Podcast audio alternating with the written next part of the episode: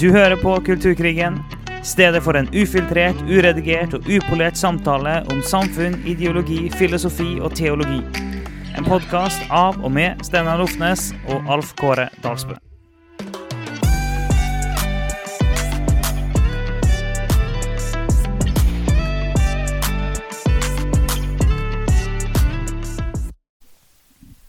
Ok, da er vi klar for en eh, ny episode.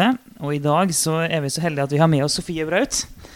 Og um, um, vi skal på en måte plukke opp litt, iallfall til dels, eh, ballen fra um, desember, når vi det, jeg håper å si Vi plumpa uti noen greier i desember. Det var jo ikke planlagt at det skulle bli, bli såpass mye styr rundt det, men vi mener det jo like fullt. da.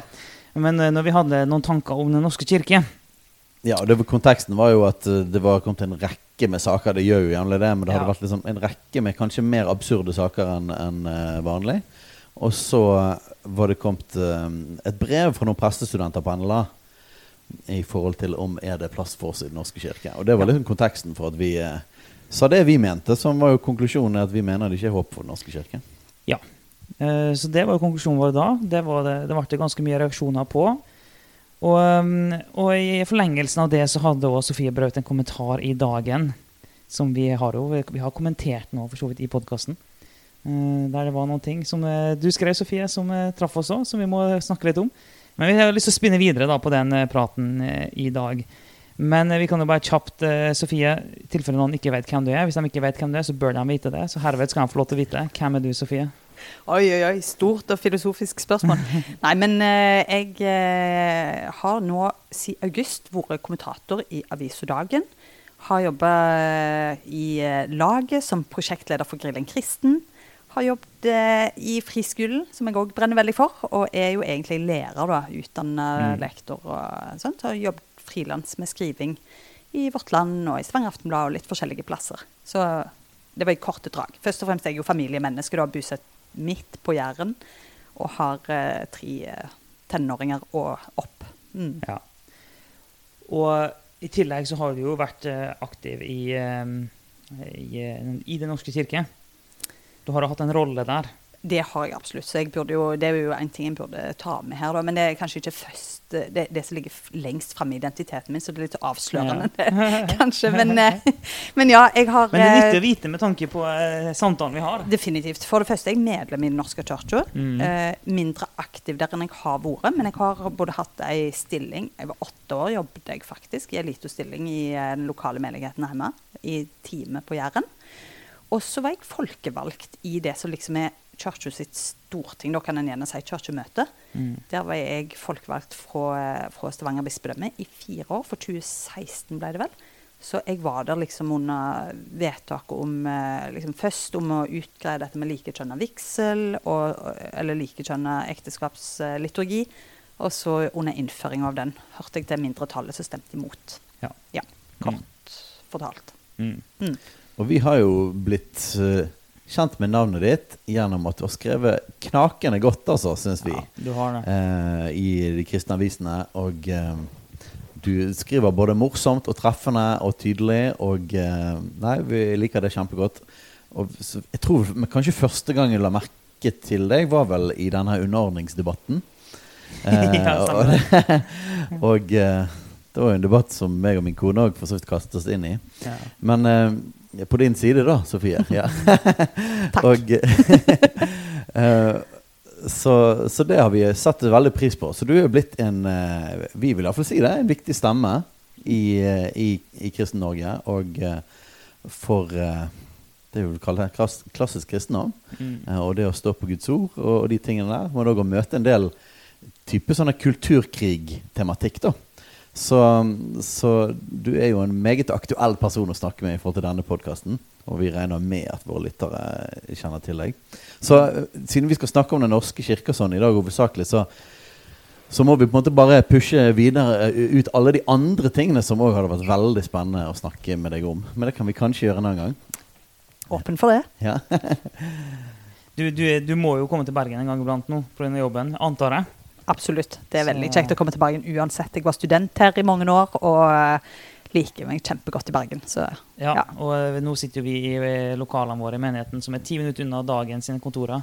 Så det er jo bare å svippe liksom nærmest nærme lunsjpausen på, fra, fra kontoret. Kan du komme bort til oss, så skal vi spille inn en episode? helt nydelig. Dette blir både liksom enkelt, lett tilgjengelig og helt sikkert utbytterikt på mange måter. ja.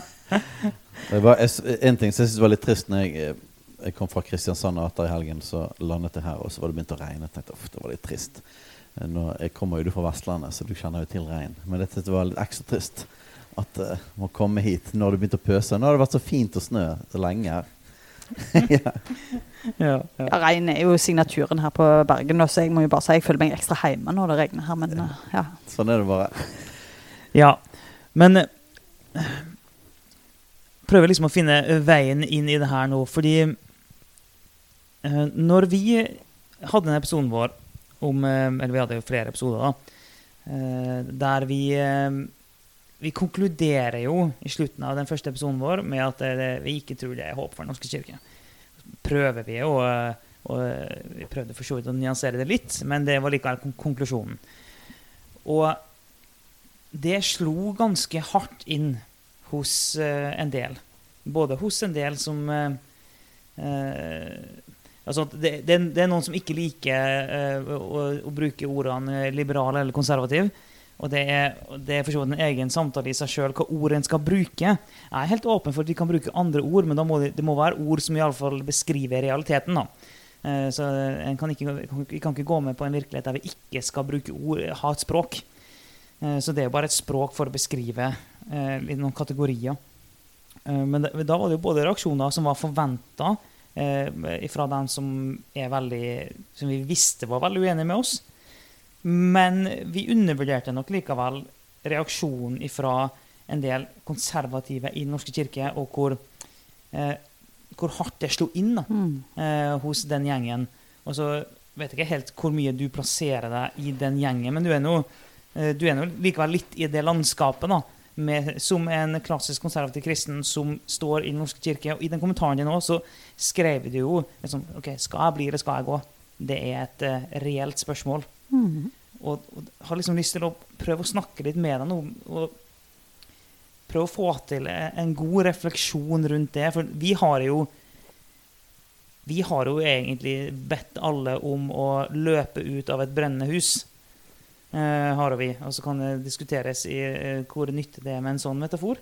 Eh, det kan det jo. Så det er jo, det er jo både fordi at vi, vi av og til sier ting kraftig, men også, det er jo òg et, et uttrykk for at vi mener at det er veldig alvorlig. Mm. Det er jo begge deler. Men kunne du bare sagt noen ting Når du hørte den episoden, hva, hva foregikk i deg da? Nei, jeg tror jeg, Det som jeg skrev litt om i den kommentaren òg, at denne vekker jo det, det er jo sånn sett veldig interessant, for jeg mener jo dere har åpna opp en samtale ser at det, i motsetning til noen andre konservative DNK som har gått ut ganske hardt og bare sagt at dere er totalt respektløse, så der er jo ikke jeg. Altså, Jeg er konservativ, har for øvrig et helt greit eh, forhold til å bruke det ordet. Jeg er egentlig ganske stolt over å være konservativ. Jeg. Det er behov for det for tida. Vi, vi, vi kaller oss jo erkekonservative Ja, ja, helt, eh, det har du det. Så vi bare Mørkemenn omfavner det, vi. Ja, ja, ja. Nei, altså det, det er jo dette her, da. Mørke kvinner er så uvanlig. Folk strever litt med hva merkelapp skal vi sette på deg, liksom, egentlig. Men, men det er nå én ting, da. Men, men jeg tror Eh, jeg, tror, jeg tror bildet er litt sånn sammensett. Jeg hilser debatten velkommen. Jeg liker folk så, sånn som dere bare sier egentlig det dere mener. Ofte blir ting veldig pakka inn, og det kan være veldig forvirrende å forstå hvor folk kommer fra, hva de egentlig mener. Sånne uttrykk som 'nå må vi være kloke' og sånt. Ja, det er jo viktig å være klok, men hva mener du egentlig? Skal jeg slutte å si eh, meninga mi? Eh, så, så, sånn sett så vil jeg jo bare helse velkommen det å, å stille spørsmål med hva, hva gjør en konservativ i det norske kirka. Sånn som det ser ut utenfra nå, så virker jo det helt feil plass å være. Jeg har litt sånn respekt for det synspunktet. Så det er klart at når en er født og oppvokst i den kirka, en har liksom tenkt at, eh, at jeg eh, her kan jeg være, og har kanskje, sånn som jeg da, har hatt et litt sånn pragmatisk syn på det med akkurat det med kirketilhørighet. Eh, at uansett så er ikke frelse og fortapelse knytta til hvor altså Navnet ditt må først og fremst være i livets bok. da. Mm. Det er liksom det som er tanken. Og vårt bokholderi her er veldig sånn tvetydig kanskje uansett sant, her på jord. Og vi, vi ser menigheter bygge seg opp, og folk går inn med liv og lyst, og så skjer det noe, og så faller det fra en annen, og, og vi vet at ting er litt sånn omskiftelige da, med alt som er menneske tar initiativ til og sånn. Uh, og det, det gjelder jo òg menighetsliv, da. Så, så der er jo jeg litt sånn pragmatisk. Og så uh, tror jeg nok det er litt sånn jeg tror, tror det nye i det dere sier sant? For, for det var jo folk eksempel, Jeg nevnte jo jeg var på kirkemøte når, eh, når beslutningen om, om, om, eh, å vedta en sånn lik, eh, liturgi for likekjønna ekteskap da, eh, slo inn. En av de store sakene de senere åra. Så var det jo en mann, f.eks. Øyvind Benestad, mm. som har vært i en årrekke engasjert i uh, kirkedemokrati og sånt, noe som meldte seg ut der og da, på mm. direkten. Mm. Eh, men, men, både han og folk som Rolf Kjøde og andre liksom profilerte, altså offentlige utmeldinger, har vært ledsaga av en sånn Ja, vi har en forståelse for at folk tar litt ulik eh, har, har sånn ulik måte da, å forholde seg til dette på. Du kan være, inn, eh, du kan være i Den norske kirka, kanskje jobbe litt sånn under graven, eller jobbe med et håp sant? Om at det kan skje omvendelse, om at dette faktisk er misjonsmark ut av alle dimensjoner. Og At en kan jobbe eh, og, og, tjene Gud der, da, midt i et, et slags fiendtlig eh, terreng, der du syns at ting er i veldig hurtig endring. Um, så kanskje det som slo inn hos meg, og så fødte litt den kommentaren min, var, var det med håp. da. At dere mm. sier her er det ikke håp. Så tenker jeg mm. liksom, på hva nivå snakker en? Er det bare, er det bare lederskapet som avgjør hvor det er håp?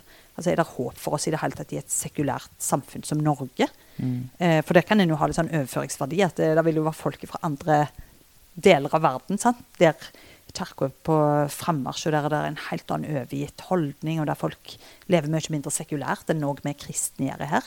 Så vil sagt Norge, det er jo sånn Er det håp der, liksom? Det er jo så materialistisk, f.eks. Så eh, kanskje, kanskje, det var det som slo mest inn for meg. Og så ja, ble jeg, ja, jeg ble på en måte provosert, men jeg ble òg veldig sånn ettertenksomme. Jeg uh, syns det er fint å ha mulighet for å snakke litt gjennom disse tingene. Men uh, tror du det å si nei, det er ikke håp, det virker ganske brutalt. da. Ja. Ja, ja. Og jeg kan jo forklare litt sånn hvordan man tenker, for det man møter mye, er jo hva er det som ligger under måten vi tenker på, egentlig gjerne rundt kristne organisasjoner eller institusjonen Den norske kirke. Ja, hvordan er det tingene fungerer? da? Og det, så det, det åpenbare det litt, da, men for å forklare litt hvordan, hvordan, vi tenker. Når vi sier det ikke er håp, så mener vel det at når, når det er så tydelig på, på lederskapsnivået i en institusjon eh, at man har gått inn for ting som vi vil kalle vranglere. Altså det er ting som, ting som rett og slett eh, går på frelsen. Altså det er teologi som går på frelsen. Og det har på en måte fått en sånn kritisk masse av, av liksom fra oppe i systemet. Eh, da tror jo vi at det er bare et spørsmål om tid før det vil gjennomsyre hele institusjonen. Og historien, den historien iallfall fra jeg sjøl ble bevisst av liksom, Den norske kirke og utviklingen der, var det iallfall på 90-tallet så snakker vi en, en historie på, på 30 år der det har bare gått én vei. Så antallet si, konservative i Den norske kirke går jo nedover, har gjort det hele tiden. Eh, og det er vel det vi snakker om i forhold til håp. Håp da som at Den norske kirke skal bli en institusjon som står for Guds ord, som forkynner evangeliet, som ikke forkynner vranglære, og at det skal snu eh, ser vi på som på nesten en slags liksom strukturell umulighet. Eh, fordi at Den norske kirkes utvikling er jo ikke bare Det er ikke bare i Norge dette skjer. Dette skjer jo i folkekirkene i hele, i hele Europa, hele Vesten. Alle de gamle kirkesamfunnene. Så går den veien, så ser du at det er det er bare én vei. Jeg vet ikke om et eneste eksempel på noen av de tradisjonelle store kirkesamfunnene og folkekirkene som har snudd når det har kommet så langt som det. Eh, er det håp for evangeliet i et sekulært samfunn? Ja, det tror jeg jo fordi at Jesus og evangeliet er jo ikke knyttet til en institusjon. Eh, verken Den norske kirke eller vår, vår, menighet eller vår institusjon. Men så, Guds menighet er jo noe separat fra våre institusjoner og Den norske kirke. Så jeg tror jo alltid at evangeliet har håp. Men er det håp for at det skal være mulig at det blir snur i Den norske kirke? Og da har jo vi hele tiden kvalifisert dette og sagt at vi vet at det er masse herlige folk i Den norske kirke Mm. som òg får lov til å virke lokalt. Um, og fortsatt forkynne evangeliet. Men det er jo et økende antall folk som får problemer og får trøbbel. Og det blir smalere og smalere for. Så det er på en måte liksom å se den utviklingen selv om folk kan oppleve det annerledes på lokalt plan, hvis du ser det på makroplan, både i Vesten, Europa, folkekirkene og Den norske kirke liksom de siste 30 årene, og gjerne før det òg For før det hadde du liberalisering i teologiinstitusjonene, utdanning av prestene altså det, det er et ganske massivt bilde, og derfor så var det jo kanskje overraskende for oss at liksom Er dette så vanskelig å se, eller er dette bildet så Eller liksom er ikke dette her ganske åpenbart? Og det betyr jo ikke det at liksom, derfor kan ikke du være med i Den norske kirke nå og gjøre en god ting, men som institusjon er det verdt å bruke kreftene på å, å forandre den. Um, og jeg personlig jeg mener jo fortsatt det, da. At jeg tror faktisk sånn i utgangspunktet, med mindre det er Gud leder veldig tydelig til folk og sånn, så er jo jeg redd for at, at uh, heller ved å være med, så er det en større fare for at man går vekk fra Jesus, man går vekk fra Guds ord, at, eller at man bruker kreftene sine på å kjempe imot et system. Så man heller kunne bruke kreftene sine på å spre Guds rike og evangeliet. Så vi merker jo det at liksom, det funker jo veldig fint utenfor Den norske kirke. Man er ikke avhengig av den institusjonen. Så det er liksom vårt sånn bilde, da. Men jeg vet jo at det jeg beskriver nå, kan være veldig annerledes for mange andre. Og dette er jo nettopp det er jo litt interessant å høre, da. Hvordan liksom Hva i den virkelighetsforståelsen som jeg deler nå, er det på en måte ja, Hvordan tenker du? Hvordan tenker en del andre når, når jeg deler det jeg deler? For det første så, så er det jo jeg, Ja. Jeg, å få fram sånn helt sånn ulike syns på dette her, det blir jo ikke helt denne samtalen. For jeg er jo enig i, i si, alt du sier her. Både utviklinga innenfor kirka. Eh, jeg føler jo og dette har blitt underbygd veldig godt. sånne analyser som sier at 'liberal churches are dying'. Sant? Det er jo Ja, en av de ja, store ja. analysene som bare viser at, at dette er nærmest en naturlov. Eh, og en, en, det gir jo totalt mening òg når en tenker bibelsk om det. At, at hvis på en måte saltet mister sin kraft sant? Hvis en slutter å, å liksom ha sånn eh, Virkelig tenke at Guds ord og Guds rike er fundamentalt annerledes, men gjør felles sak med verden, så, så er det en sånn nøytralisering som skjer, som bare får kirka til å oppheve. Så, så liksom opp, bli oppheva.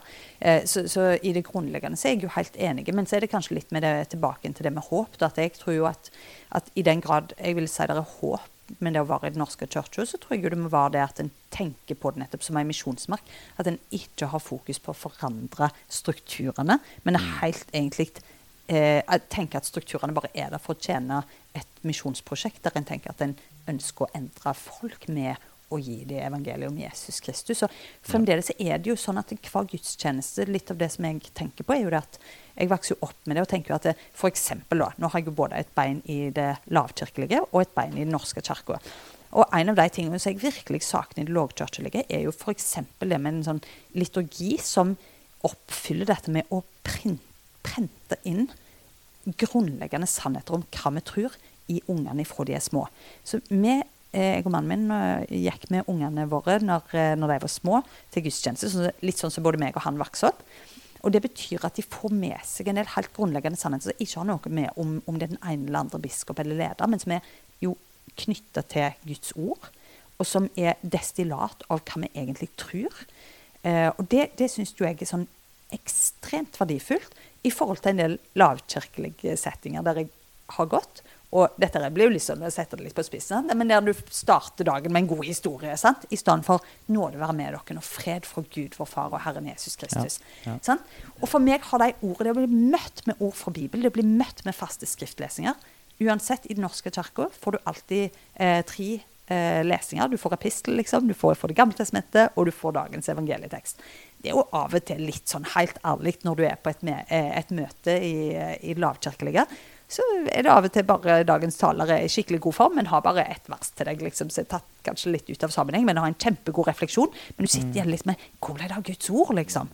For dette var veldig mye menneskeord, og de var for så vidt treffende, og han var morsom, eller veldig alvorsfylt og patosfylt og sånn. Men hvorfor Guds ord? Så det, det må en jo si til forsvaret for, for det liturgiske. At det liksom tar mål av seg og sier noe samlende. Hva er det vi tror på? liksom? Og så vil jo noen si at det store og triste paradokset i dette, og det er jeg for så vidt enig om, er, eller enig med, da, at en kan jo gjenta dette til en blir blå i ansiktet, men hvis det ikke får eh, Ja, hvis strukturene på en måte motsier det, så blir det jo spenninger som kanskje ikke er til å leve med, da. Men enn så lenge så syns jeg jo håpet knytter seg litt til det at en faktisk gjentar noen sannheter her som, som må ha en eller annen type påvirkning på oss. For det å høre, høre fra Guds ord det å høre det lest opp det, det, Jeg er jo fremdeles der. Det er ikke noen magi med det. Men jeg tror det gjør noe med oss. Ja, klart det. Ja, helt klart. Ja, jeg syns det er utrolig spennende ting som du kommer inn på.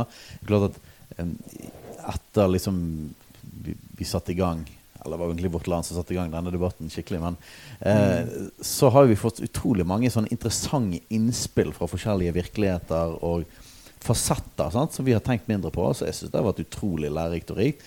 Det forandrer ikke for min del på det store bildet av hvordan vi ser det, men, men, men det, det, fyller ut mer og gir mer nyanser inn i liksom, hvordan er det å være i den virkeligheten. Og, og, jeg snakket med en prest som var inne på noe av det samme med liturgien. Og jeg hadde ikke tenkt så mye på det. Uh, og sa det at ja, men liturgien er fortsatt bibelsk. Uh, og det er den vi bruker, og den vi sier. Og så er det jo mange av de liberale som som mer og mer begynner å slite med å bruke liturgien, og noen ganger snik, sniker seg utenom det. da, mm. Både i dåp, begravelse og eh, i bryllup. Har jeg, har jeg hørt det at, at, at man, liberale sniker seg unna liturgien fordi at nettopp liturgien er så, eh, så fundamentert på Guds ord. Mm. Eh, og det syns jeg var en veldig sånn der, eh, interessant, eh, interessant, perspektiv. Da, som sånn der, ja, jeg tror, jo, jeg, tror jo, på det. da. Jeg tror på at Guds ord det virker uansett. Eh, og det å at, at, liturgien faktisk er med å holde oppe Guds ord og setter en ramme mm. over hele landet.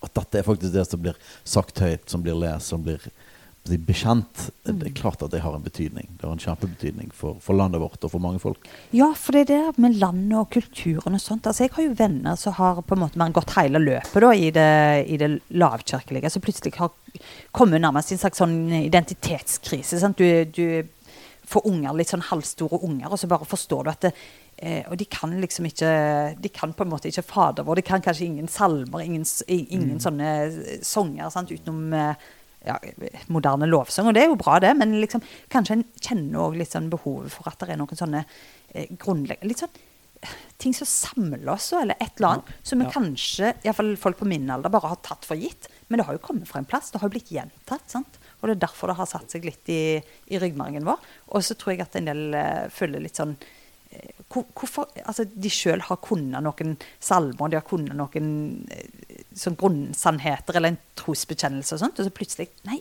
hvor ble det av det, liksom? og det, det er jo ting som en bare må tenke litt over. For, for, for, mange som er kritiske til liturgi, så tenker jo bare på det som en sånn fast tilstivna form. Men og det kan jeg jo forstå, for det kan det jo fort bli. Det kan jo bare være en sånn faste form.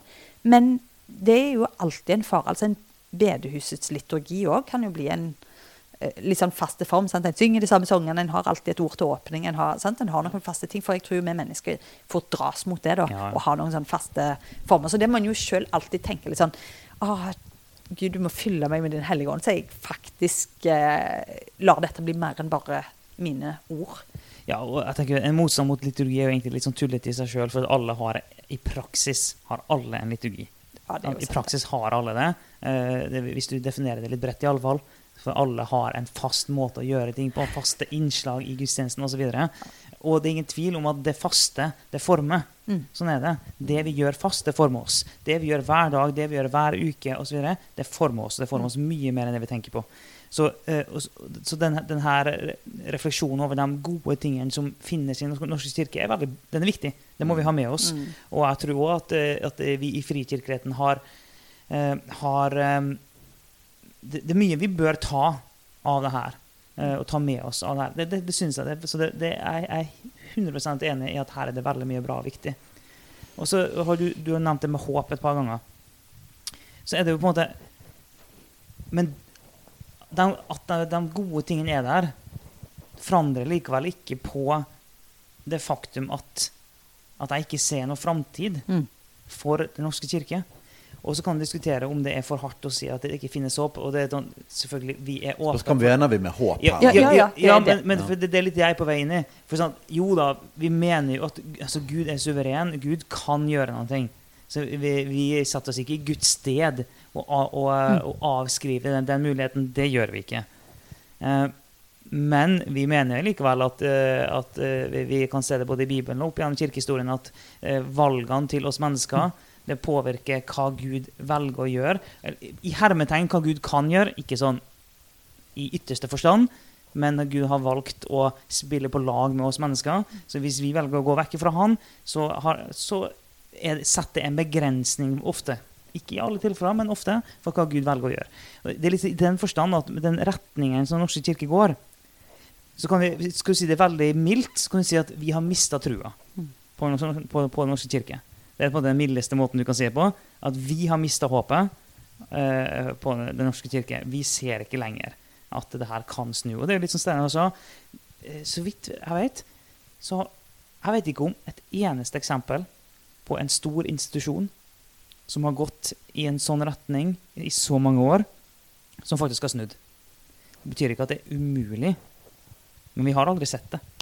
Men det er jo en del eksempler for klosterbevegelse, f.eks. tilbake i historien, da, der en Ja, har liksom opplevd fornyelse internt, Mm. og der en har liksom En har sett dette sklir fullstendig ut, og så har Gud reist opp en eller annen Ja. reformator og fornyer som har for, for så vidt var jo liksom Martin Luther Jeg lurer på om det gikk litt over stokk og stein med han egentlig. Men eh, altså, han, han ble liksom reist opp for sin tid, og der, der ender det jo opp med, et, med, et, eh, med en reformasjon, et totalt skille, da. Men, men, eh, men der, der er jo en sånn praksis, ikke sant, når det gjelder eh, når, eh, ja, på eh, utrolig mange forskjellige punkter. Sant? Og, og der han på en måte blir reist opp for å, for å reformere eh, kirka. Så, så det er jo på en måte litt sånn det kanskje skjer, at ting har sklidd ut. Og så eh, Jeg kan jo leke litt med tanke på at OK, hvis hva hvis eh, finansieringen forsvinner, hva skjer da? Sant? Mm. Det kan jo godt hende at det er et slags håp for, eh, for den norske. Jo, men, men vi, vi, har- vi har snakket Det- akkurat det samme, Det har vi veldig tro på. Fordi at eh, hvis, hvis den eksterne finansieringen forsvinner, så er det, det, det, er sånn, det, det er der det er liv, det er der er det penger. Det er, så da kan en se hvor hen er livet, iallfall. Ja, og det, det, er, eh, altså det er jo litt sånn moment of truth. da. Hvis pengene forsvinner, så blir det i hvert fall bare de som virkelig er Ja. genuint er interessert akkurat det. eh, Akkurat det. igjen. Ja, Mm. Og det er en realitet i det. Og eh, sant, Uten at vi skal gå for langt inn i den, finnes det eksempler i historien på reformatorer som har, der det har blitt en fornyelse innen en institusjon? Ja, det gjør det. Uh, men det er nok enda flere historier for vekkelseshistorien der man prøvde å gjøre det, men det gikk ikke. Mm. Uh, og det har ført til et ganske stort antall av de protestantiske bevegelsene og kirkesamfunnene. Sant? Eh, Luther prøvde å gjøre noe innenfra, men det gikk ikke. Mm. Og det ble en egen. Sant? Det samme har du med John Wesley og eksempel etter eksempel. Eh, og så har du noen sånne interessante norske varianter da, med, med Hauge som på en måte ble forfulgt av Den norske kirke mer enn noen, og samtidig ikke lagde et skikkelig brudd. Mm. Som har jo ført til en, en sånn spennende mellomvariant i norsk historie, der man er utenfor og innenfor samtidig på en eller annen måte.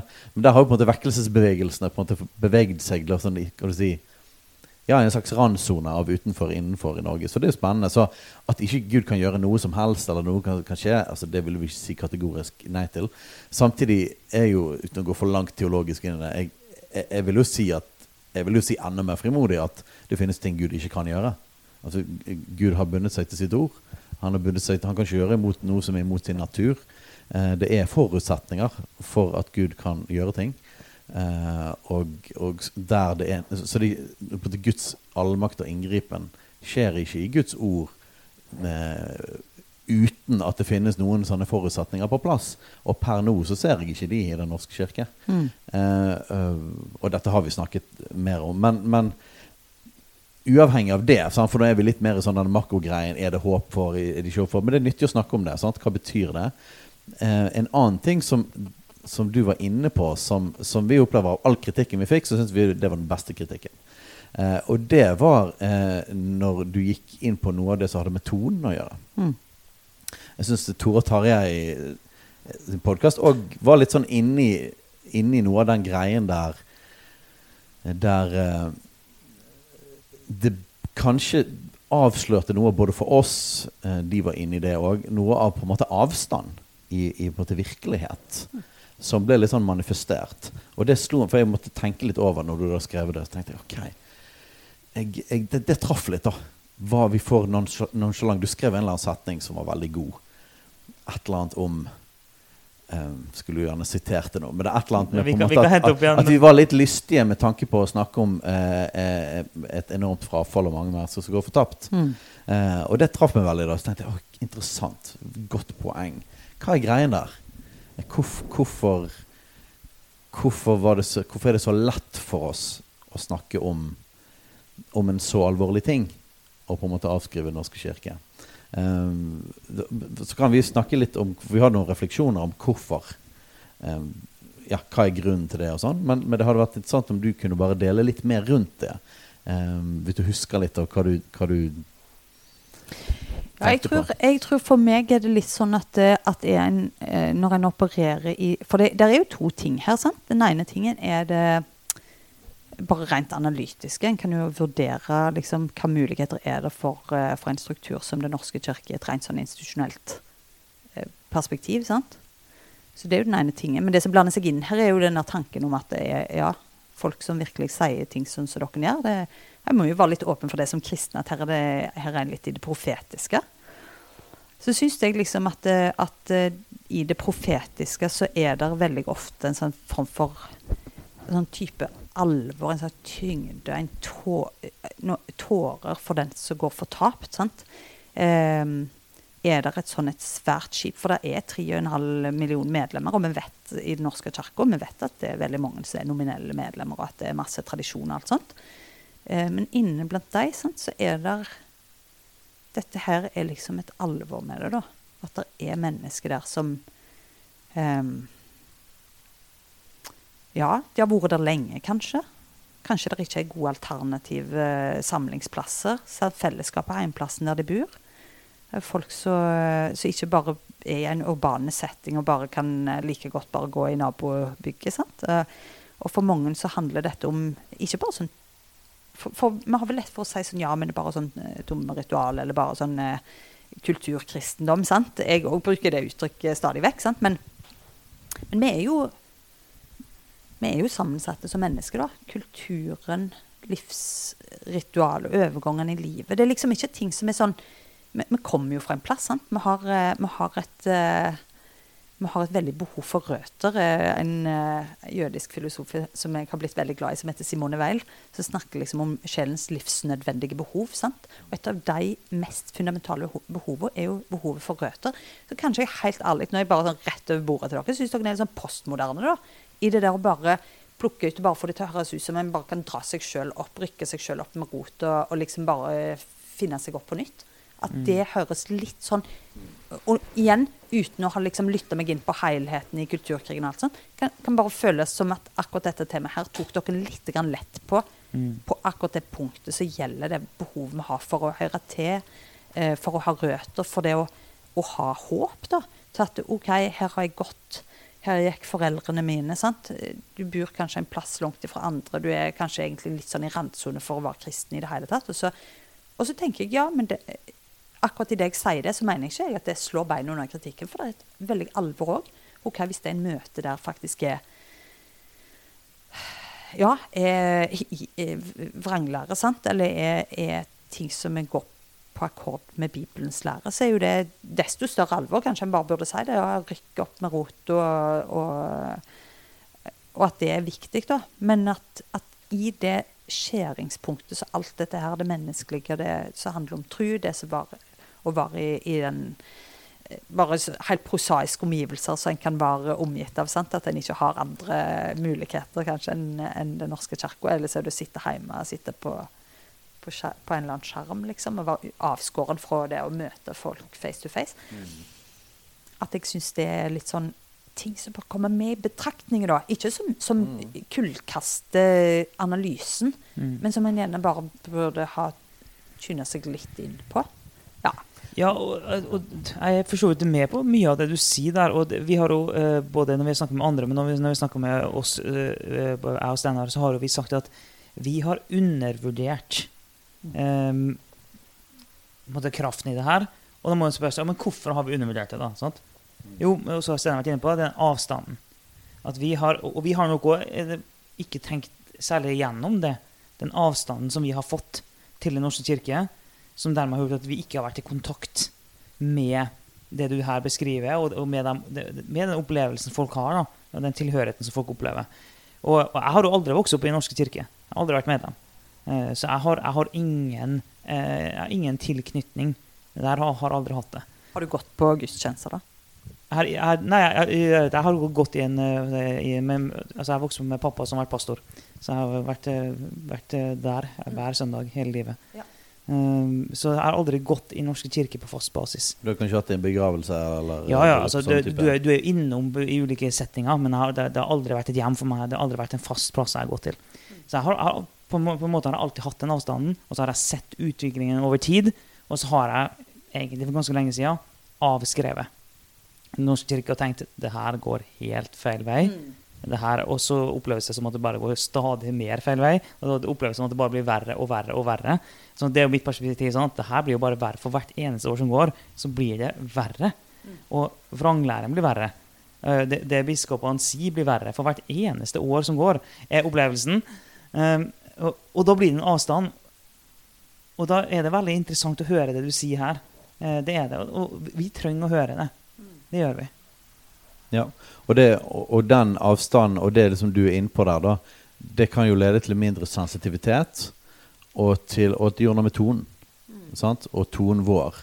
At det er enk, på en enkelt for oss å være nonsjalant fordi at for oss er det ikke noe Det er liksom Dette er noe som vi på en måte så for så lenge siden. Men det har ikke en kostnad. Det, det, er enkelt å være tydelig og hardtslående når vi ikke har en kostnad. Men sant, jeg gikk jo sjøl ut av Den norske kirke. Så, så måte, men sant, folk er forskjellige. For meg er det nok lettere enn kanskje mange For jeg, jeg, tror, jeg, tror, det er riktig at det representerer ganske mange folk, det du sier. Eh, men jeg, sant, folk er forskjellige personligheter òg, og for meg er det ikke så vanskelig på en måte å bryte. ok, nå gjør vi det, eller nå gjør vi noe nytt. Og sånn som det der. Og så er det jo poeng med det, med det hele, hele den urbane perspektivet. er òg et veldig godt poeng. Eh, og eh, det, det, gjør liksom at uh, Jeg tror ikke jeg har tenkt på før du sier det nå, at liksom, ah, det er jo et godt poeng. Det fins jo masse eh, Dette gjelder jo i veldig stor grad folk som, som, bor på mindre steder, der det ikke er massevis av andre si, alternativer. Det er ikke sikkert det er en levende bedehusforsamling heller. eller det er noe sånt som det.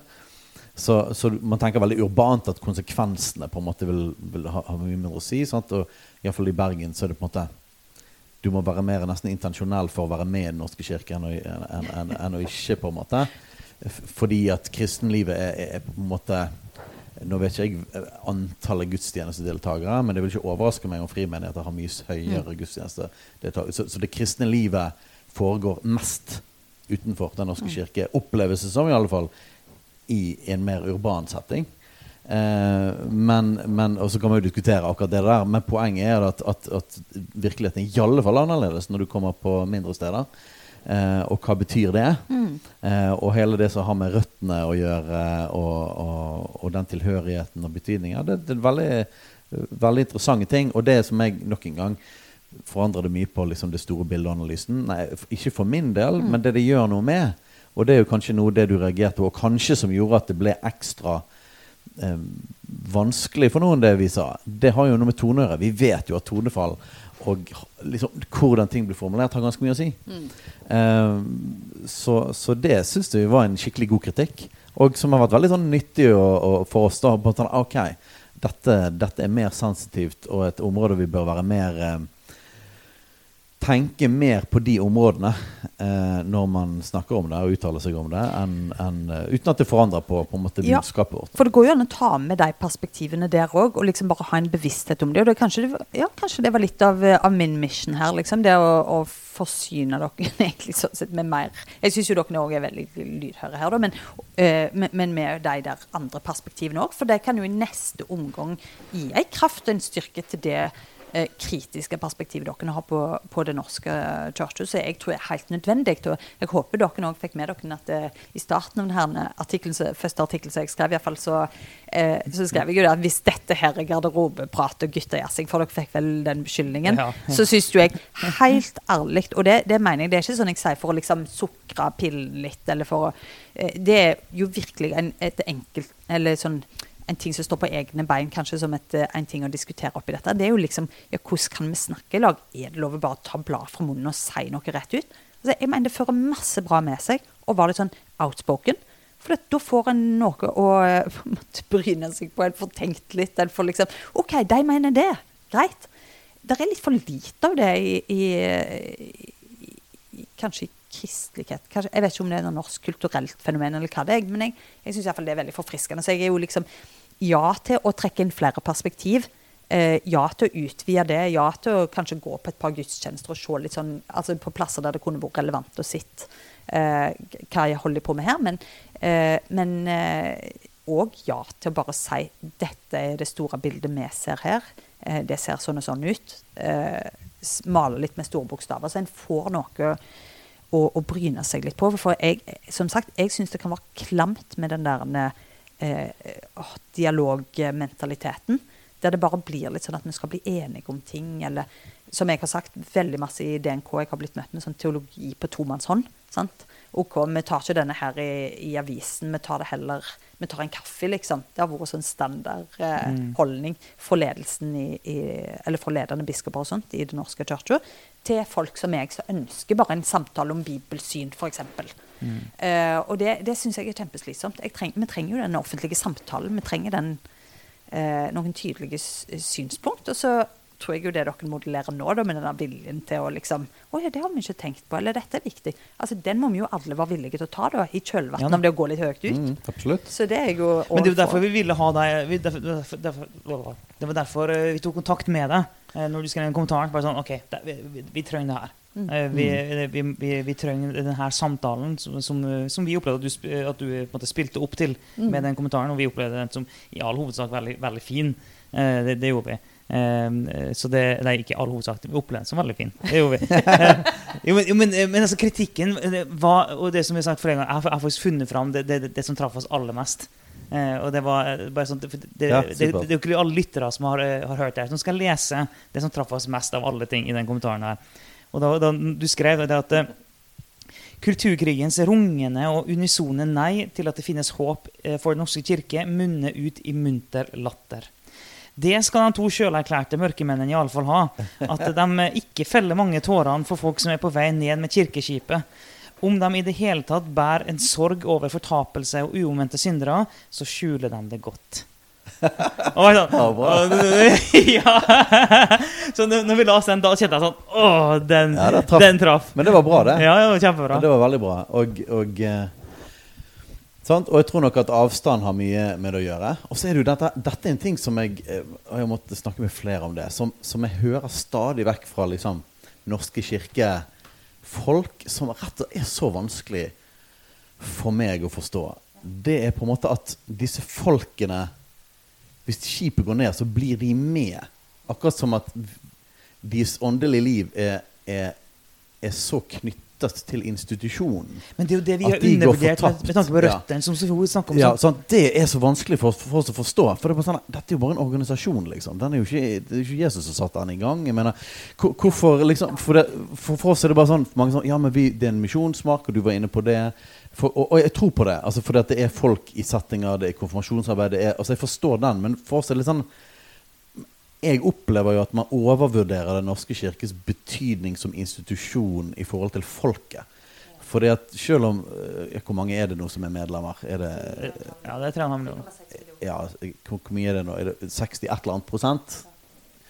Så oppleves det som at de fleste av de er jo ikke en aktiv medlem. Så når jeg møter en person ute på gaten For vi når jo ut med evangeliet til mennesker. Så for det første så har jeg aldri noen gang vært borti samtaleemne om er du medlem av norske kirke eller ikke. Altså, og, og, liksom eh, Ola Nordmann og Petter Nordmann, om de er medlem av norske kirke eller ikke, har nesten ingen betydning når vi når ut med evangelier, når vi møter mennesker. Hvis folk er aktive tilknyttet, ja, men da er det fint. Da er du en person som identifiserer seg som en kristen. og sånn. Men en vanlig sekulær nordmann som ikke er medlem, og en som er medlem, eh, opplever, har jeg aldri opplevd har vært en forskjell. Så, så de, for meg er det sånn, de må nås med evangeliet uansett. Og det oppleves ikke som de er en del av en båt engang. Eh, og hvis den båten går ned, så tror jeg det har, jeg tror det at det har ekstremt liten konsekvens for dem. Dette er ett perspektiv, sant? Eh, men det er liksom, dette er min virkelighet, så jeg måtte aldri forstått Går de fortapt? Så når vi da snakker om at de ikke er for Norske kirke, så er det jo institusjonen vi snakker om. Disse menneskene de går jo fortapt uansett. Og da er vi jo inne på For, for meg er jo det en annen sak. da. Det er, det, er liksom, det er jo at folket vårt er på vei til å gå fortapt. Og det er jo noe som vi har lagt ned livet vårt for å være med og gjøre noe med. Det er jo en kjempealvorlig del. Men for meg, er det liksom, jeg, for meg er det vanskelig å knytte det veldig til institusjonen Den norske kirke. da. Eh, For jeg opplever ikke at de tilhører At i realiteten veldig mange av disse folkene opplever lite tilhørighet likevel. Eller det har i hvert fall lite å si for deres åndelige liv. De er sekulære nordmenn. på en måte da. Så for meg er det liksom Guds folk, og så er det de som ikke tror. Og det er en alvorlig sak. I den grad Den norske kirke Og, og nok en gang, jeg, dette, jeg mener ikke at det kommer noe i hele perspektivet, eller at jeg ikke trenger å lære det, men dette bare for å forklare hvor man kommer fra. da så, så, så oppleves det nesten sånn Jeg kan til og med være tilbøyelig til å mene at for mange kunne det vært bra at Den norske kirke ikke fantes. Eh, og det kan, kunne gjort at det hadde vært bedre, lettere for å nå dem med evangeliet. Så, så, og, og dette er nok veldig annerledes enn i hvert fall noe av det jeg møter fra folk som er innenfor, som, som opplever liksom Men vi har disse konfirmantene, eller vi har disse medlemmene, og disse på en måte ja, men det, det oppleves veldig annerledes. da. Så, så derfor føler jeg liksom at men, nok en gang, er vi for nonsjalant? Er vi for avstand? Ja, det, det tror jeg. Men, men på en måte grunnen til at vi kan le, si, le av det, er det at jeg tror vi overvurderer institusjonene som fryktelig viktige uansett. Eh, det, jeg tror jo ikke at vår menighet, Jesusfellesskapet, at den institusjonen eller organisasjonen, organisasjonsnummeret og strukturen, at den eksisterer i mange hundre år, at det er veldig viktig. da. Eh, Men jeg opplever at Fordi at Jesus startet ingen, ingen organisasjon. Men, men, at, men jeg, jeg ser jo hele bildet mye mer som i evangeliet. da. Og er det evangeliet vi forkynner, og mennesker som tilhører Jesus. Og så fins det lokale, lokale um, uttrykk for den verdensvide kirke, som er forskjellige menigheter. Um, men i den grad vi forlater evangeliet, så tenker jo jeg ganske lett at institusjonen har veldig lite å si. Eh, og jeg håper jo at hvis ikke Jesusfellesskapet forkynner evangeliet og Guds ord om noen år, eh, og, og når vi er døde, eller et eller annet, ja, da håper jo jeg at den institusjonen vil dø. Jeg håper den blir lagt ned. For da tenker jeg at den, det er et hinder for evangeliet. Så, så dette er jo en veldig frikirkelig måte å tenke på. Eh, men det, måte, det er litt av å forklare sånn den vinkelen man kommer fra. da. At vi tar nok mye lettere på institusjonen i seg sjøl. Jeg, jeg, tenker at Og krisen for lett kanskje av og til. Ja, og, absolutt. For, det, for det, noe av elementene du kommer inn med her, er jo dette med historien og, og tilknytningen og på en måte hva dette betyr. Og, gjerne og, og jeg tror det er en verdi. Altså Jeg tror det er riktig. da Så jeg bare, Ja, det er bare å liksom bare forklare litt på en måte hvor man kommer fra. da Veldig interessant egentlig å høre jeg, altså, Akkurat når du hadde den beskrivelsen Ja. Veldig interessant å høre. Og, og den der beskrivelsen du hadde av at det liksom virker jo mest en sånn ja, Jeg vet ikke helt hva ordet en skal bruke på det, men det at du nærmest klynger deg til masta liksom, mens et skip går ned. Sant? Det er jo at Når du egentlig burde komme deg i livbåten. Sant? Det er jo et sånn sterkt uttrykk for at det virker jo helt på en måte fjernt. Og så er en jo liksom tilbake nå til, til at kanskje òg ja, Dette blir kanskje litt sånn uh, lite gjennomtenkt, men, eh, men det der med, med skip og den metaforen liksom, med skipet som går ned og sånt, altså kanskje en da er tilbake til den Eller jeg da er tilbake til den der pragmatikken i forhold til medlemskap. At til sjuende og sist skal vi jo hver og en møte vår far. eh, vår frelser sant? på den eh, ytterste dagen. Og da er vi der ikke liksom i kraft av å ha vært medlem her eller der, men hva har du hatt, hva, liksom, hva har du hatt med deg, da? Ja. Sant? Ja. Eh, kjenner du han, så, så er liksom redningsmannen. Eh, og det, det er jo det som til sjuende og sist kanskje kan, kan forsvare liksom så, så betyr ikke det For det, jeg hører at det kan høres ut som ansvarsforskrivelse. Ja, men da kan jeg bare Da er liksom ett fett. Eh, jeg tror ikke det. da. Jeg tror det, jeg tror det er et alvor med det. Og det er jo det som er spørsmålet. sant? Om folk som meg, så er, tror jeg det, og håper jeg, eh, et bevisst medlem i Den norske kirke, så har mine eh, Jeg skrev vel til dels uklare grunner for hvorfor jeg fremdeles er medlem, eh, men jeg er nå det. Jeg har landa på det foreløpig. Eh, men klart det er et enormt alvor som følger med det om du som leder andre til å bare bli der og tenke at ja, men det går, sikkert, går sikkert til. For jeg tror den eneste måten å overleve på i en struktur som har sklidd ut teologisk, er jo at du, du tenker at du har et ansvar sjøl for å bære med deg en motkultur. Var en stemme, stå opp for rett. Stå opp for Guds ord, ikke minst. Uh, og så må en jo se hva, hva handlingsrom og hva muligheter er det for å gjøre det for meg, da. Uh, og hvis en bare er en passiv medlem, så, så, så er en jo kanskje der at en, at en bare egentlig eh, legitimerer en ledelse som en er totalt uenig med, og som en ikke tror egentlig styrer dette kirkeskipet på en god måte. da. Men, eh, men hvis en er med og er en slags sånn eh, ja, hva skal en si da, driver litt sånn Er litt i eksil i, innenfor denne strukturen. Litt sånn som vi som kristne er litt i eksil og fremmede og utlendinger, sier vel Paulus, sant, i denne verden. Så, så tror jeg jo at det er ja, at det er måter å være det på der en kan gjøre veldig mye godt der en er, da. Ja. Mm. Ja, og, og jeg er enig i det, og jeg, jeg anerkjenner at det finnes et rom for å spille den rollen i Den norske kirke. Og jeg anerkjenner at det finnes et rom for å se på Den norske kirke som en misjonsmark. Det, jeg er med på det. Eh, det jeg. Jeg, ser den. Eh, Det, det, det er ikke en rolle jeg sjøl ønsker å ha. Mm. Eh, Det, for jeg, jeg kjenner at jeg personlig jeg sliter med å ha trua på at det, det er, veldig hensiktsmessig. Eh, Men, det, men jeg anerkjenner at det, det er en rolle å spille. Og jeg, og jeg tror på at Gud kan kalle folk inn der. Men det er jo litt som vi har sagt i noen tidligere episoder òg. Da tror vi faktisk Vi tror faktisk at det har kommet så langt at da, treng, da bør faktisk Gud kalle folk inn i den rollen. Mm. Eh, at det, det er, vi, vi legger såpass mye alvor i det. Og så har jeg bare lyst til å, å, ta den her eh, den, eh,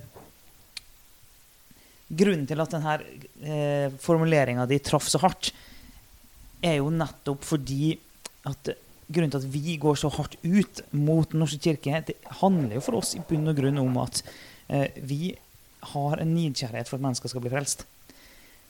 Og vi er skal jeg si det så diplomatisk jeg bare klarer, så vil jeg si at jeg er bekymra for at Den norske kirke faktisk kan føre folk vill. Det er, det er den Mm. mildeste måten jeg klarer å si det på. Jeg kan si det på mye kraftigere måter enn det, men den mildeste måten jeg klarer å si det på, er at jeg er oppriktig redd for at sånn som eh, ledelsen i Den norske kirke nå går fram, den læren som de forkynner, og da snakker jeg om biskopene spesifikt, at det eh, vil fungere i praksis som en vaksine for folk. De får høre et evangelium som ikke er evangeliet, og så vil de tro at de er frelst, for det har de fått høre av Den norske kirke. Mm. Og de er livet deres helt fint. De, de trenger ikke gjøre noe. Og da vet vi de kommer til å gå fortapt. Mm. Og, så, og hvis vi da kommer og forkynner evangeliet til dem, så kan de si nei, men jeg har, fått høre at alt er fint. Jeg, jeg har ikke noe behov for frelse. Det, er- det er veldig karikert, veldig forenkla. Men jeg, jeg mener at det er så alvorlig at Og vi har, vi har brukt det, det her bibelverset når Jesus snakker om at det er, at det, det er eh, For en som før en av- når Jesus sier at eh, det er bedre at en person får en kvernstein rundt halsen og blir kasta i havet, Mm. eh, enn, å, enn å føre en av mine små eh, vill. Mm. Eh, det er faktisk alvoret for oss. da. Ja.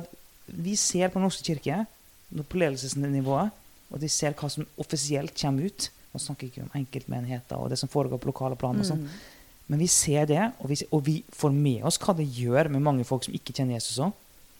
Og så bare sånn, det Her forkynnes det ganske kraftig et evangelium som vi mener er et falskt evangelium. Mm. Og derfor føler vi at vi må si noe. Det, det, handler om, altså, det, det er grunnen til at vi går så kraftig ut. Men derfor treffer også kritikken din såpass hardt. da. Mm. For du peker jo nettopp på sånn eh, Når du sier at eh, om de i hele tatt bærer en sorg og fortapelse og uventede syndere, så skjuler de det godt. Mm. Og da, og da kjente jo jeg, da når jeg leste det, var sånn åh, det er jo ikke det vi har lyst til Mm. at folk skal sitte igjen med. Det er jo det motsatte. Vi vil jo at det folk skal sitte igjen med, er nettopp at det er lengselen etter at mennesker skal bli frelst, som driver oss. Mm. Ikke et korstog mot norske kirke. Mm. Um, så det var det, det var det som traff liksom så hardt inn da, eh, med den, med den formuleringa. Sånn, åh, her er liksom okay, her opplevde du det stikk motsatte av hva vi ønska at folk skulle oppleve. Ja, og det er jo derfor vi må liksom sånn Ok, hva er grunnen til det, da? Ja. Og da skjønner vi ok, her, her er det mye avstand for oss. Her er, en måte, har vi fått så mye avstand, og vi har avskrevet en institusjon som ikke betyr så mye for oss, eller som vi har avskrevet for så lenge siden. At, at det berører ikke oss følelsesmessig. Men det som ligger under her, som er på en måte evangelisk fremgang i Norge, og at vi står på Guds ord, det er jo noe som er, er altså hele grunnen til at vi har denne podkasten, og, og som vi brenner for. Så, så det, derfor, det var veldig bra, og det, det, og det traff på Det avslører noe i oss at OK, vi kan ikke vi kan ikke behandle disse, det spørsmålet om Norsk kirke på, på sin nonsjalant måte. Da. Det, det, det er viktig. Så er det dette med deg, Men dere er jo opptatt av filosofi og av eh, ideologi og av historie, helt sikkert. Og sånt, og det, det er jo kanskje noen av de tingene òg som melder seg litt her. At den der tanken om de der lange linjene sant? I år f.eks. så er det jo liksom 1000 år med kristenretten vi feirer her i Norge. og eh, liksom helt ærlig, hvordan så det egentlig ut liksom i 1024, når det ble innført? ikke sant? Og, sånt, og likevel, på en eller annen mystisk måte, så er jo jeg forbundet med de eh, forfedrene mine i tru, da. Som sikkert levde på veldig annerledes måte enn jeg gjør sjøl.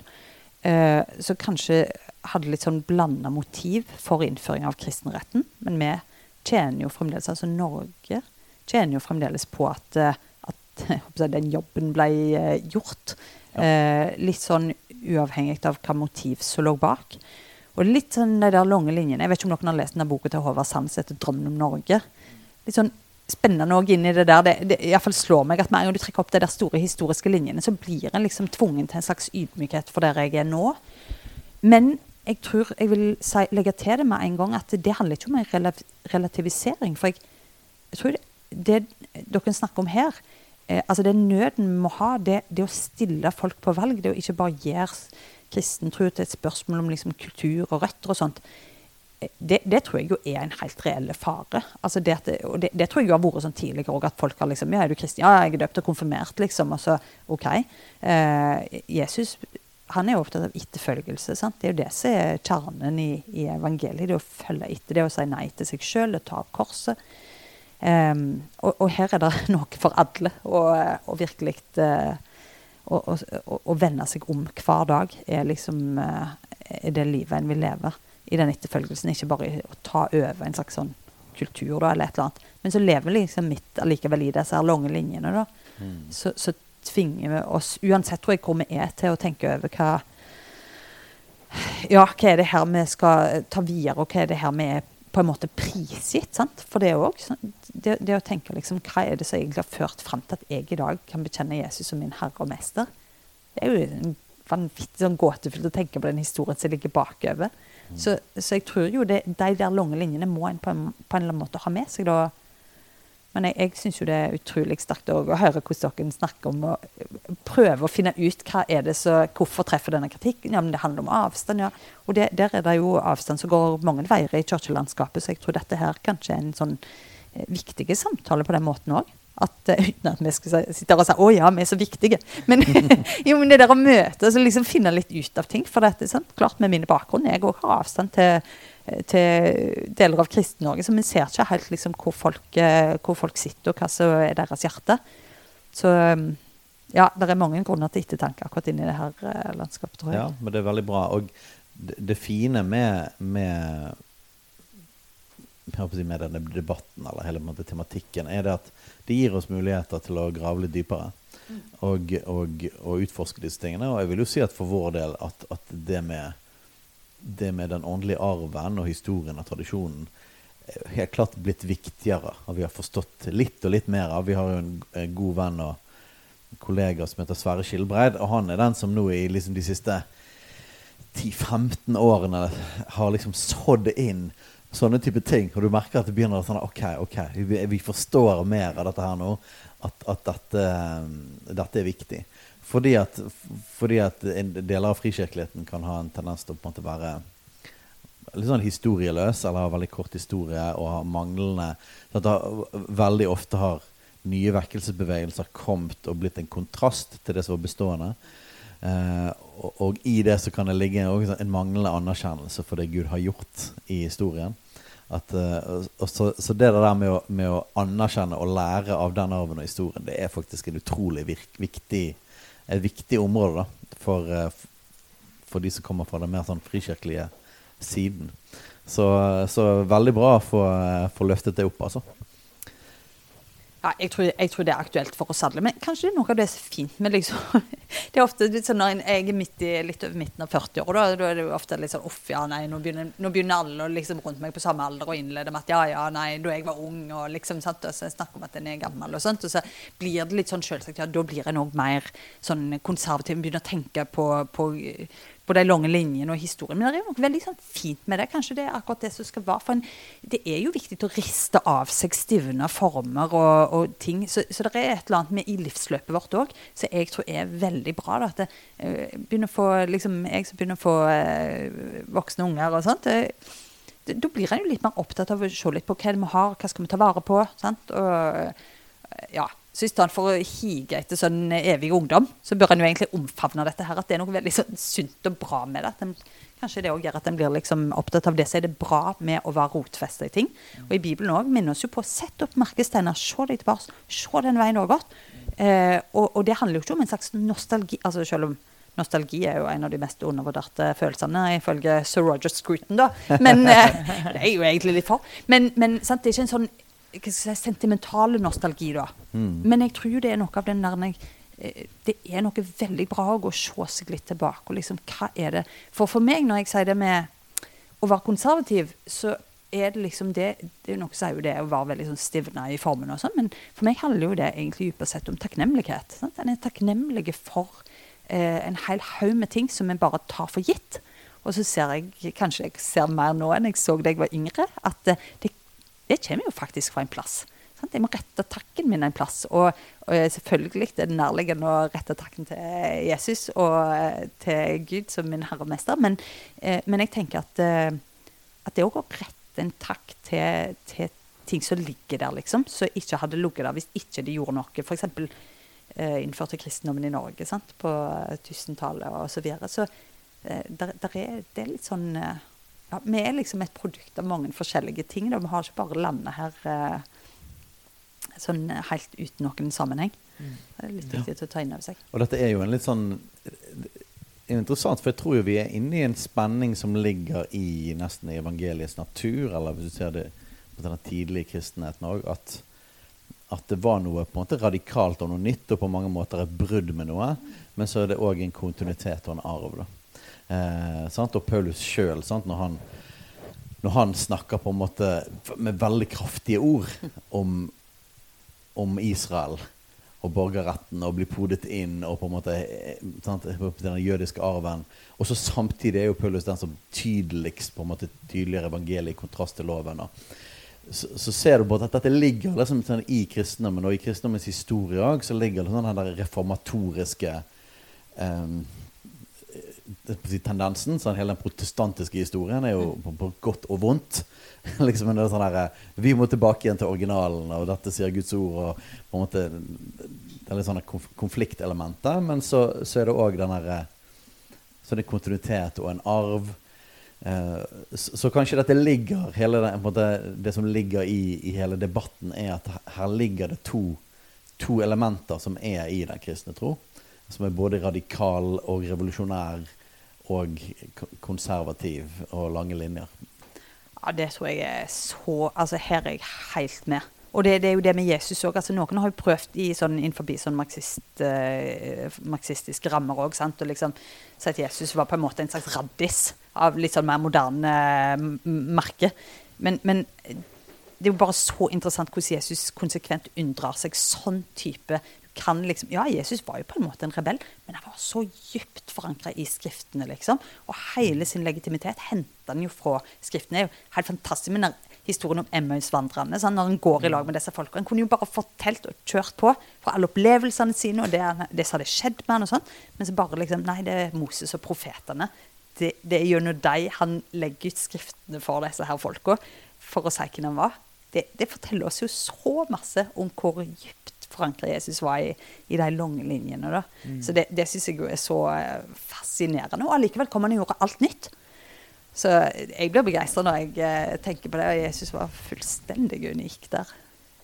Og på veldig mange andre områder. Ja, ja absolutt. Og jeg kjenner at jeg, kjenner at jeg blir litt sånn eh, Litt tankefull eh, når jeg sitter her nå. Fordi jeg tenker på det, egentlig, det har vært en veldig nyttig samtale egentlig, å prate med deg, Sofie. For det, det gjør det jo bare enda måte, Vi kommer mer i kontakt med det som vi har hatt en avstand til, da, for å si det på den måten. Og det merker jeg er veldig bra. Det merker jeg. Og, og jeg merker jo at jeg da får en større Hva skal vi si?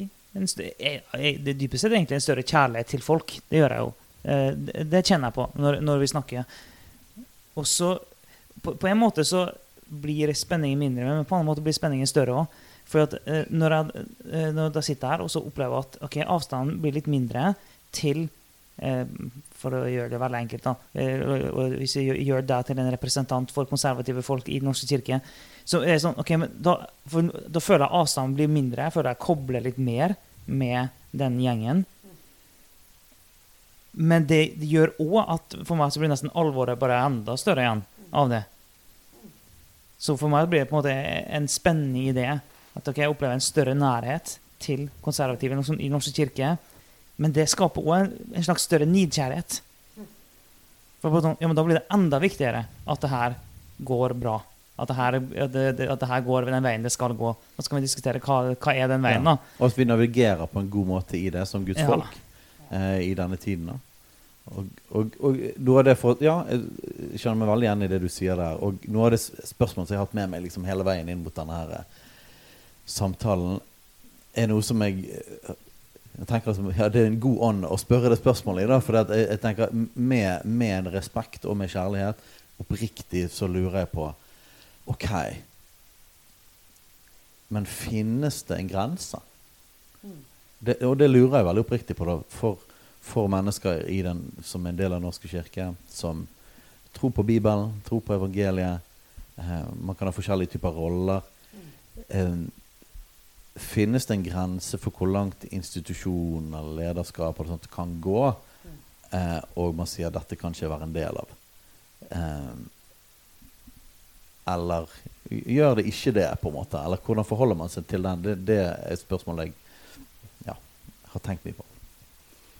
Og det er et veldig uh, viktig spørsmål. Jeg tror det, det, det er et spørsmål for, for, vår tid, rett og slett, det du sier der. Og jeg, for min del har sagt noe om dette offentlig òg, så det kan jeg jo for så vidt gjenta. At jeg sitter ikke og venter på noen sånn siste dråpe, på en måte. Så jeg, jeg syns jo allerede det har gått helt altfor, altfor langt med lederskap i Den norske kirka.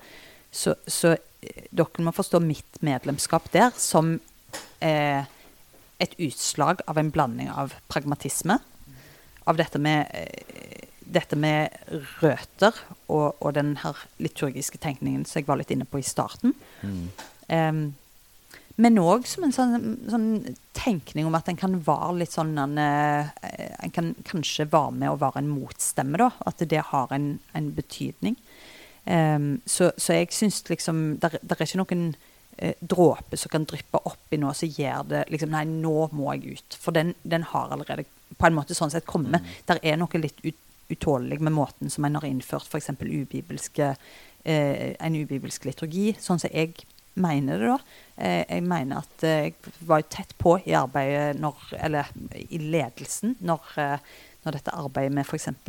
Eh, likekjønna ekteskap ble innført, og så hvor vanskelig det var egentlig altså Selvsagt umulig da, å finne eh, bibelvers f.eks.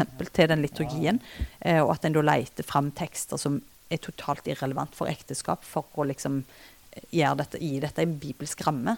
Så det er jo ting som jeg syns er helt eh, det, det, er bare helt uholdbart da, i, i, med min måte å se dette på. Så, så det, det, der på en måte sitter ikke og venter på noen sånn Det kunne vært et punkt der jeg som Øyvind Benestad hadde tatt min hatt og, og gått.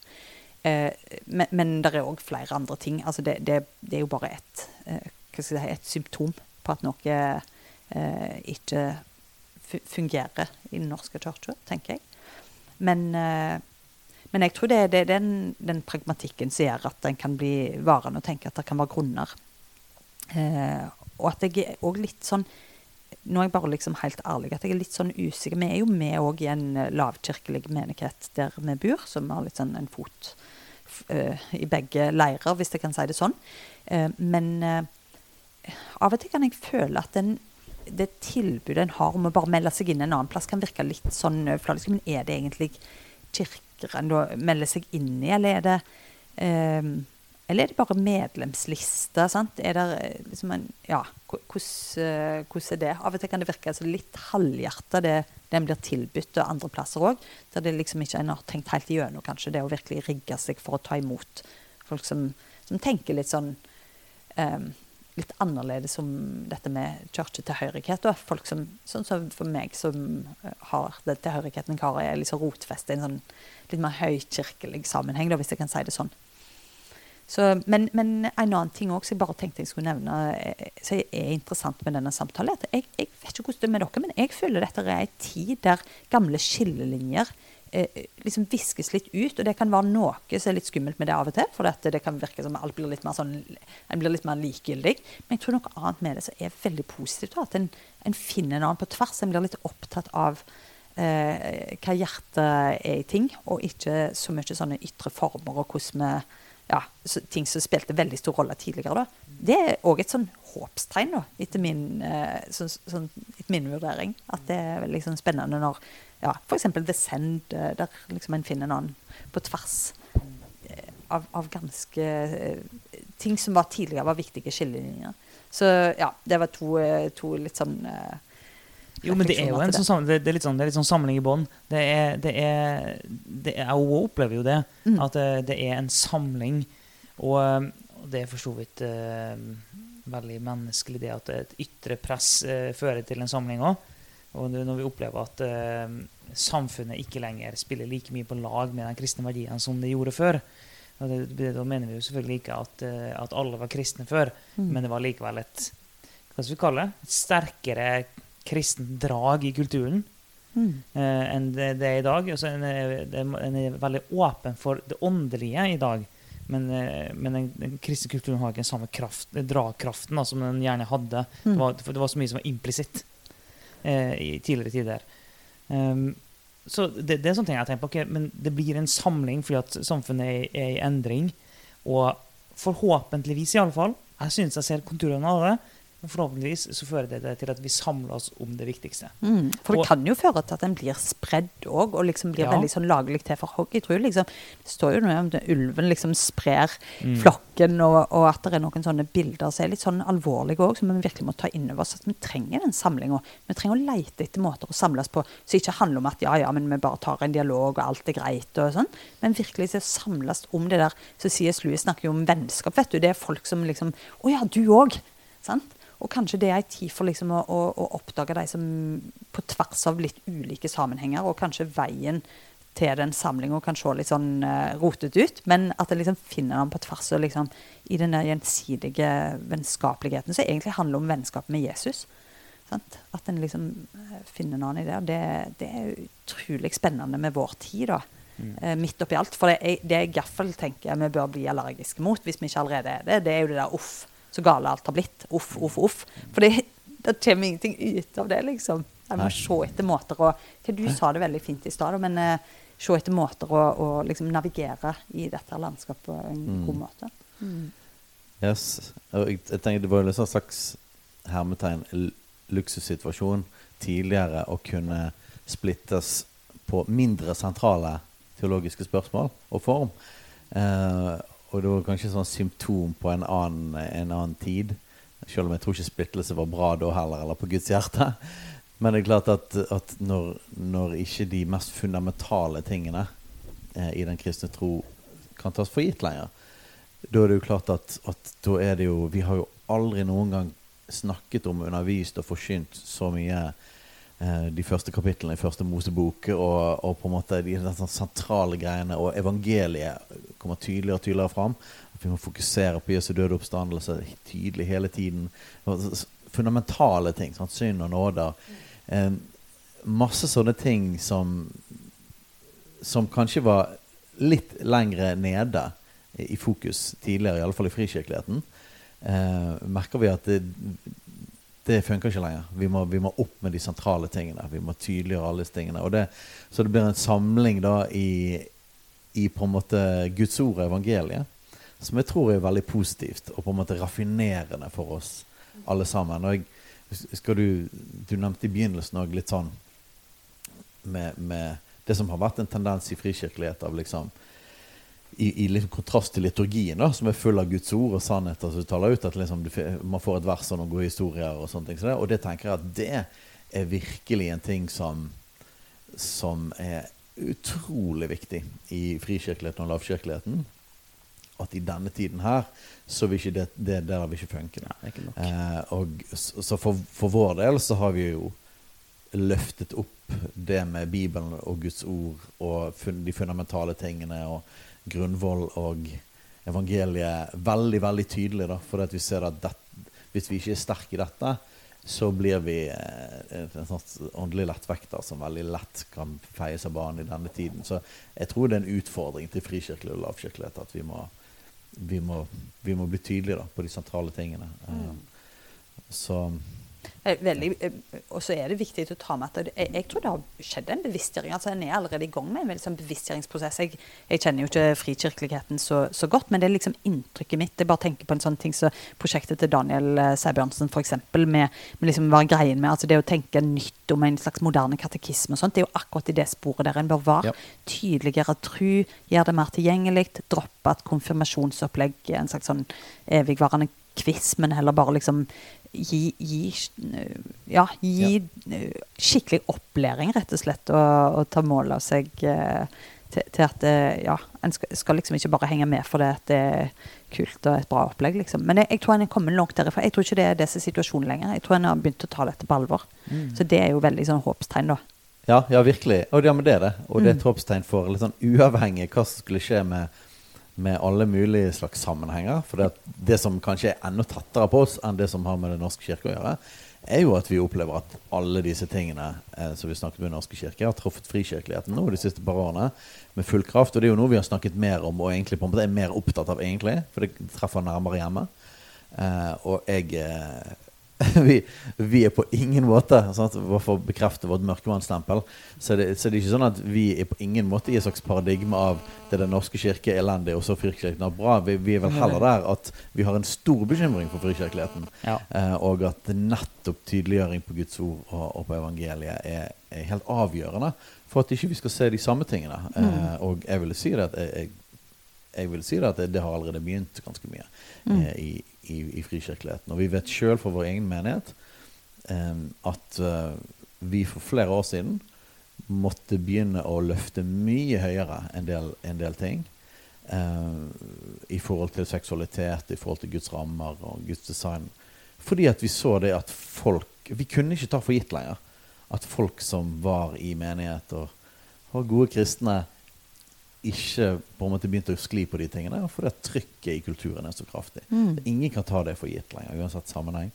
Og da trenger vi å løfte det opp. Og det, det har vært veldig viktig for oss. Så, så det, er en veldig, det er en spennende greie som ikke egentlig handler så mye da, for å fjerne oss ut fra Den norske kirke. Men det er Guds folk mm. i en sekulær kultur.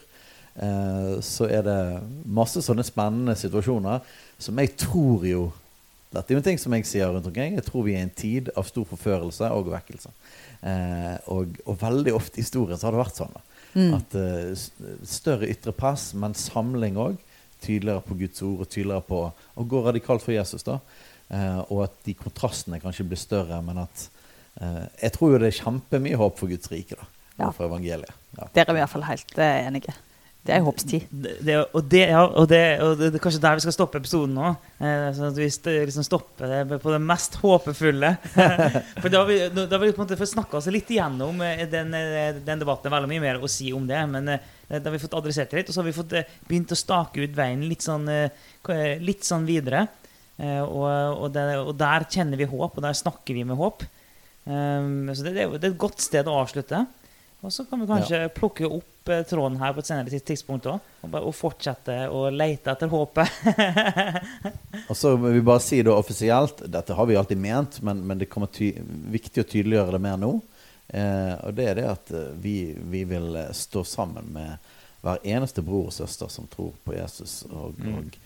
og tror på Guds ord og evangeliet. De andre òg vil vi òg elske, men vi vil stå sammen med de som er brødre og søstre for, for evangeliet og for landet vårt. Det, det er det ingen tvil om. Så en liten hilsen der til alle våre nye venner i, av prester og diakoner rundt omkring i landet som har tatt kontakt. Ja. vi vil stå med dere. ja, vi vil det. Vi vil det. Det er helt sant.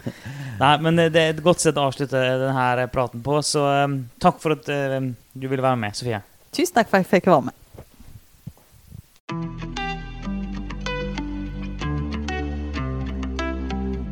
Takk for at du lytter på Kulturkrigen. Om du har tilbakemeldinger, spørsmål, hva som helst egentlig, send inn til post alfakrøll kulturkrigen.no eller på sosiale medier.